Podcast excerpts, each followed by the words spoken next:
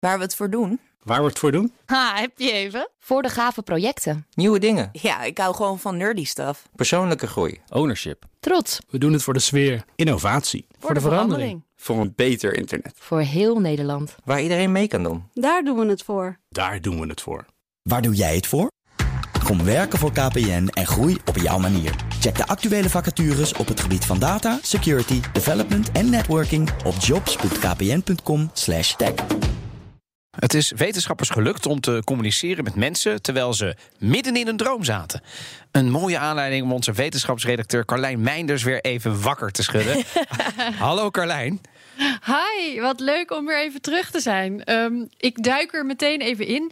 Uh, zijn jullie er wel eens bewust van dat je aan het dromen bent? Mm, Oh, dat je in de droom. Oh, dat je denkt, ik ben aan het dromen. Nee. Ik ben aan het dromen. Nee, Ja, dat altijd heet wel als ik eruit kom, dat ik denk, pff, weer gedroomd. Ja, ik, Ja, ik ja, ja, sluit me daarbij aan.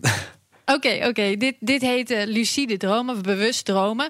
Wordt al heel lang eh, naar gekeken, al wel 2000 jaar. Maar de laatste 40 jaar gebeurde dat steeds meer vanuit de neurowetenschappen.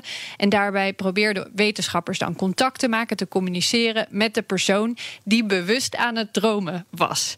Eh, alleen gebeurde dat tot nu toe vooral in één richting, waarbij de eh, proefpersoon dan iets aan de onderzoeker liet weten. En hoe, en hoe laat ik ben mezelf helemaal nu aan het, eh, aan het inleven. Hoe laat ik dat dan weten?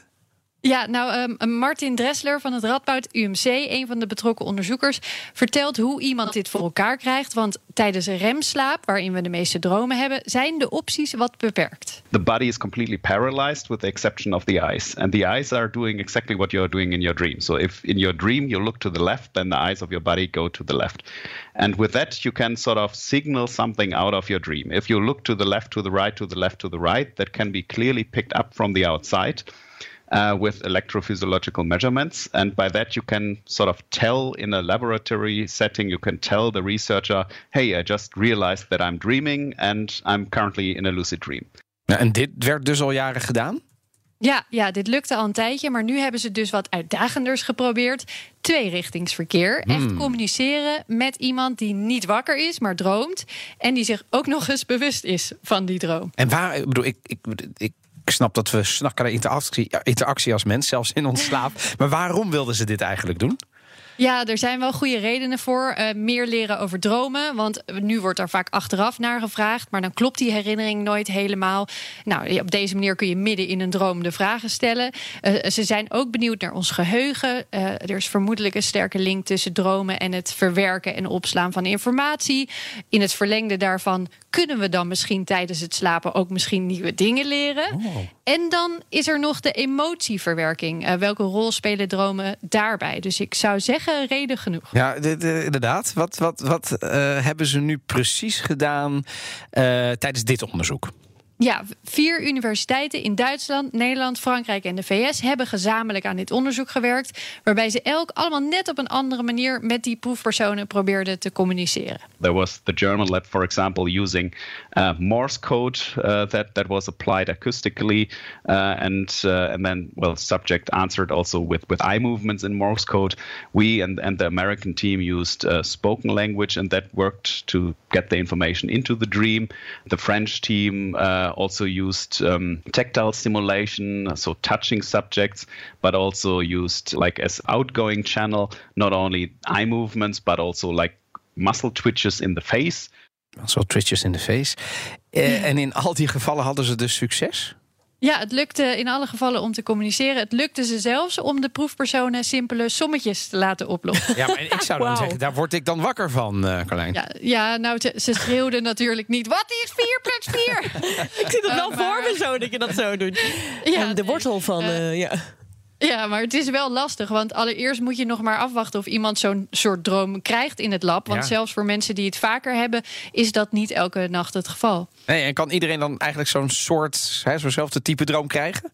Er zijn mensen die, het, eh, die ermee geboren worden, die het van zichzelf kunnen. Maar je kan het ook leren. En daar is dan de een weer beter in dan de ander. Oké, als we het allemaal thuis gaan oefenen, dat kan geen kwaad? Of is dit don't try this at home?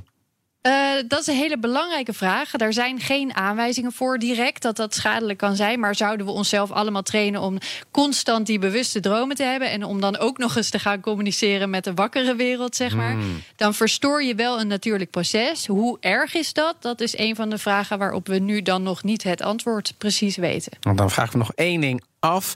Wisten die proefpersonen het de volgende dag nog? Konden ze zich herinneren? Ja, de meeste wel. En het grappige was dat het per persoon verschilde hoe die informatie nou binnenkwam. Bij de een was het een soort voice-over stem die uit het niets kwam. En bij anderen werd het echt onderdeel van de droom. En dan zie ik echt voor me dat je over iemand aan het dromen bent en dat diegene ineens zegt: Wat is 4 plus 4?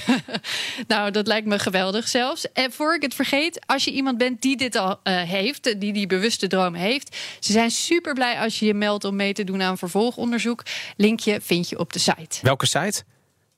Uh, bnr.nl. Oh ja, onze site. Ja, Oké, ja, precies. Ja, oké, ja, precies. Zet het en op onze binnenkort hopelijk, hè, dit, deze rubriek Wetenschap vandaag komt hopelijk snel weer terug. Er wordt heel hard aan gewerkt en het lijkt de goede kant op te gaan. Nou, fantastisch. Dankjewel, onze wetenschapsredacteur Carlijn Meinders. Bij BNR ben je altijd als eerste op de hoogte van het laatste nieuws. Luister dagelijks live via internet. Bas van Werven. En heel langzaam komt de zon op rond dit tijdstip. Je krijgt inzicht in de dag die komt op BNR, het Binnenhof in Nederland en de rest van de wereld. De Ochtendspits. Voor de beste start van je werkdag. Blijf scherp en mis niets.